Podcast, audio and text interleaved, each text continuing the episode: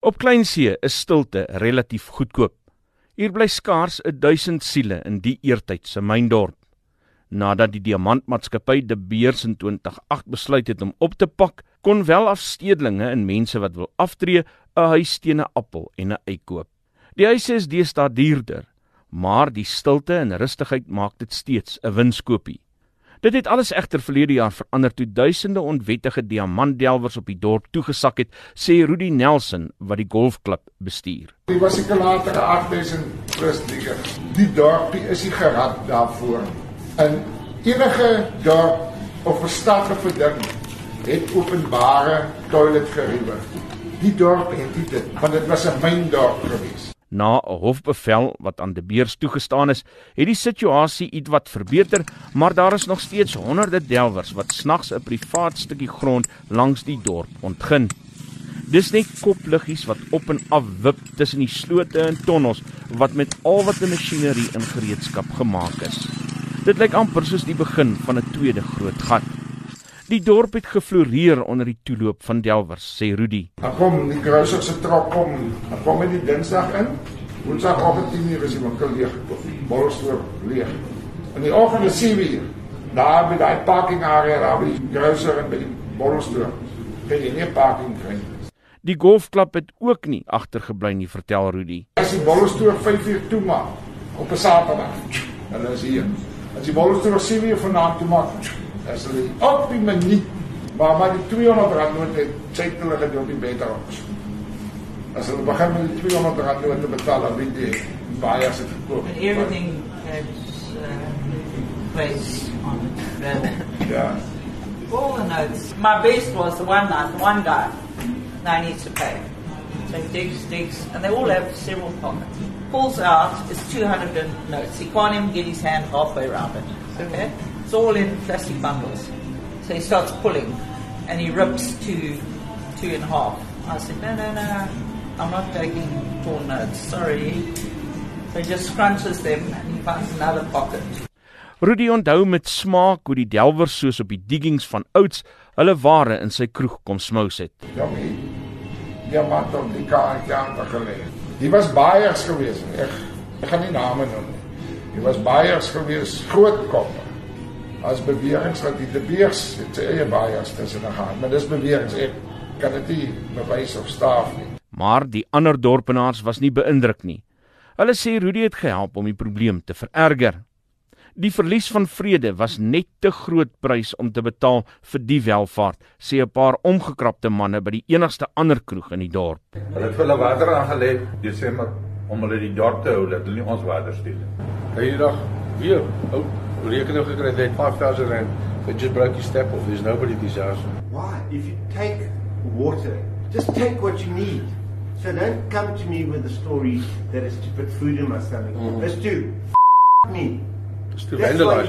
They feel f- I'm gonna I'm gonna they feel f- water, which is not gonna cost mm. me much, but I'm gonna f- you at the same time mm. without Vaseline, with sand Die ontstelde Kiren Snetlage sê die delwers het niks ontsien nie, selfs die omgewing moes dit ontgeld. They were f***ing up the veld, destroying it completely. I then contacted environmental affairs and I said to them, listen, this is what's happening. Please, we are aware of what's happening on the top diggings, but that's places have been dug, but this is virgin ground. They're destroying this field.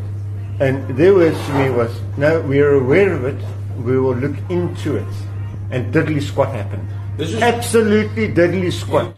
Die argument dat Delwers arm is, juis omdat die myn hulle in die steek gelaat het, oortuig nie vir Kieran en Charles Weyers nie.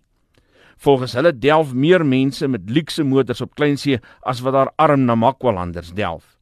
Hulle sê die wet is die enigste en die laaste woord oor die saak. Basically, one one, there is a law, abide by the law, finished. And if the law is not correct, change the law for all the citizens mm. of the country. Yeah, it's. I mean, the law is there for everybody to abide. to abide to. Yeah. End of the story. Die probleem is dat die polisie, net soos natuurbewaring, ook nie hulle plig ten opsigte van die wet nakom nie, sê die een kleinse inwoner na die ander aan monitor. Charles Weyers beamoed dit. Daar's diggers wat by hulle bly. So dan support hulle dit mos. Weet daar's al gevalle wat ons gehoor het dat die polisiebakkie grys aanry na hulle huise toe. Weet jy kan nie staat maak op die polisie nie. Hulle kan niks doen nie want hulle mag niks doen nie want soos ek met Alwyn nou die dag gepraat het op die telefoon toe ons van Port Nolloth af gekom die karre sonder ligte op die pad wat hy uitdruklik vir my gesê het maar hy het vir die polisiemanne gesê hulle moet die mense los anders breek hulle in by die huise. Monitor het besluit om die beweringe te toets.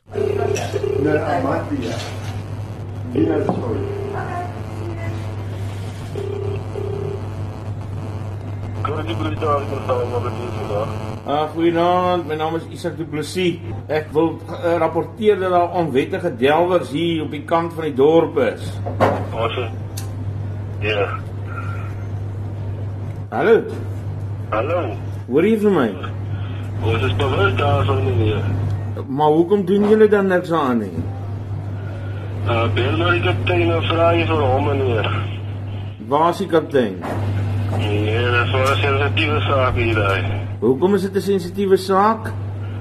Ek is nie gemagtig om enige inligting daaroor uit te gee nie. Met wie praat ek nou? Konstabel Makateus. Konstabel Magatees, maar is julle nie veronderstel om die wet toe te pas hier nie? Ja meneer, maar soos ek jy sê, bel vir kaptein en vra vir hom. Konstabel Makatees het vir monitor kaptein Alwyn Beeslaar die stasiehoof vir die afgelope 16 jaar se nommer gegee. Die foon het net bly lui. Makatees het die telefoon neergesit toe monitor terugskakel om te hoor of 'n mens op 'n ander manier met kaptein Beeslaar kan praat. Die volgende stap was om sy huis te besoek. Sy motor was voor die huis geparkeer, maar volgens sy vrou was hy nie tuis nie. Hy kan niks doen nie want hulle gaan hom doodmaak.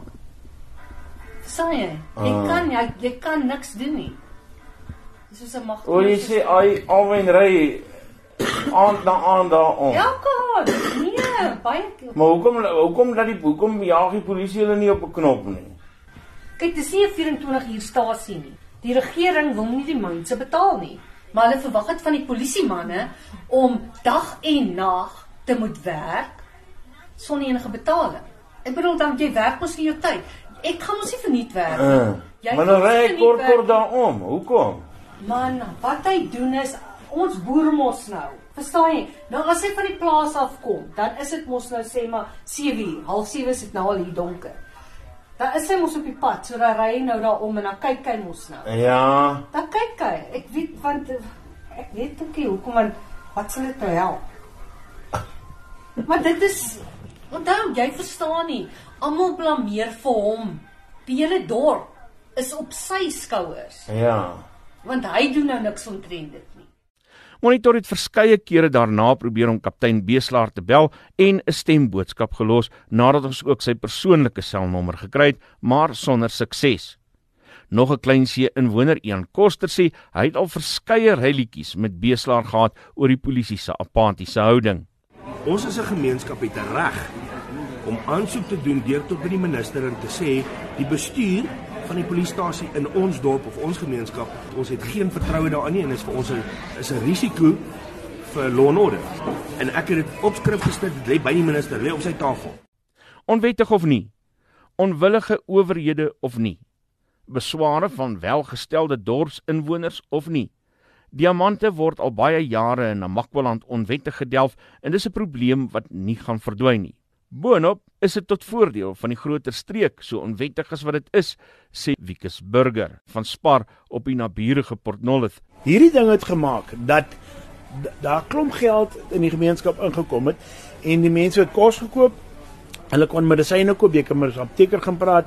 Hulle kon ten minste hulle dienste gelde betaal. Klein besigheidjies het ontstaan. Uh alles dis ek daar's so 'n groot rimpel effek op hierdie huidige stadium met dit. Almal kon geëet het en almal kon happy gewees het. Daarom meen Charles dat plaaslike delwers almal permitte moet kry sodat hulle wettig kan delf. Um, niemand het 'n regtig 'n probleem met die diggers nie, maar doen dit wettig. En doen dit En nie binne 'n munisipale gebied nie. Ja, nie in die pan- kant van die dorp waar hulle plakkerkampe opsit en dit weet dit mors die hele ingang van die dorp op. Gee vir hulle grond en beheer dit. Veronica van Dijk, DA parlementslid en inwoner van Kleinsee sê dis egter nie so eenvoudig nie. Daar's 'n gemeenskap van Delwers in Namakoland wat graag wil permit hê. Baie van hierdie mense is werklik baie arm. So, uh, wat is die verwagting? Waar gaan hulle veiligheidsklere kry? Uh, toerusting om hierdie mynbou te be beoefen. En die ander ding is ook wanneer jy jou diamante deur 'n plant sit, is jy ook verseker as dit um, onder 'n myngroep val wat die mynlisensie het dat jy uh, uh jou rehabilitasie gedoen word. Nee, die groot probleem wat hier moet aangespreek word is werkloosheid. Dit is ook 'n probleem wat baie vergroot het in Namakoland nadat die diamantmyne van vroeër onttrek het. Moet ons begin kyk watse alternatiewe is daar. Toerisme bied 'n ongelooflike opsie in Namakoland. Ons het baie om te verkoop in Namakoland. Um, ons het 'n uh, ongelooflike vetplantbioom, ons het die enigste bergwoestyn en wanneer dit uh, goeie daar goeie reën sit het ons ook 'n uh, pra pragtige veldblomme wat uniek is in ons area. En ehm um, Daarom dink ek dat 'n mens nie jou eiers in een mandjie moet pak nie, maar dat jy ook moet kyk na ander opsies om werksgeleenthede te skep. Dit was die DA parlementslid Veronica van Duyk. Môreoggend in die tweede aflewering praat ons met die Delwer self oor hulle probleme en klagtes. Isak Du Plessis, SAICanis.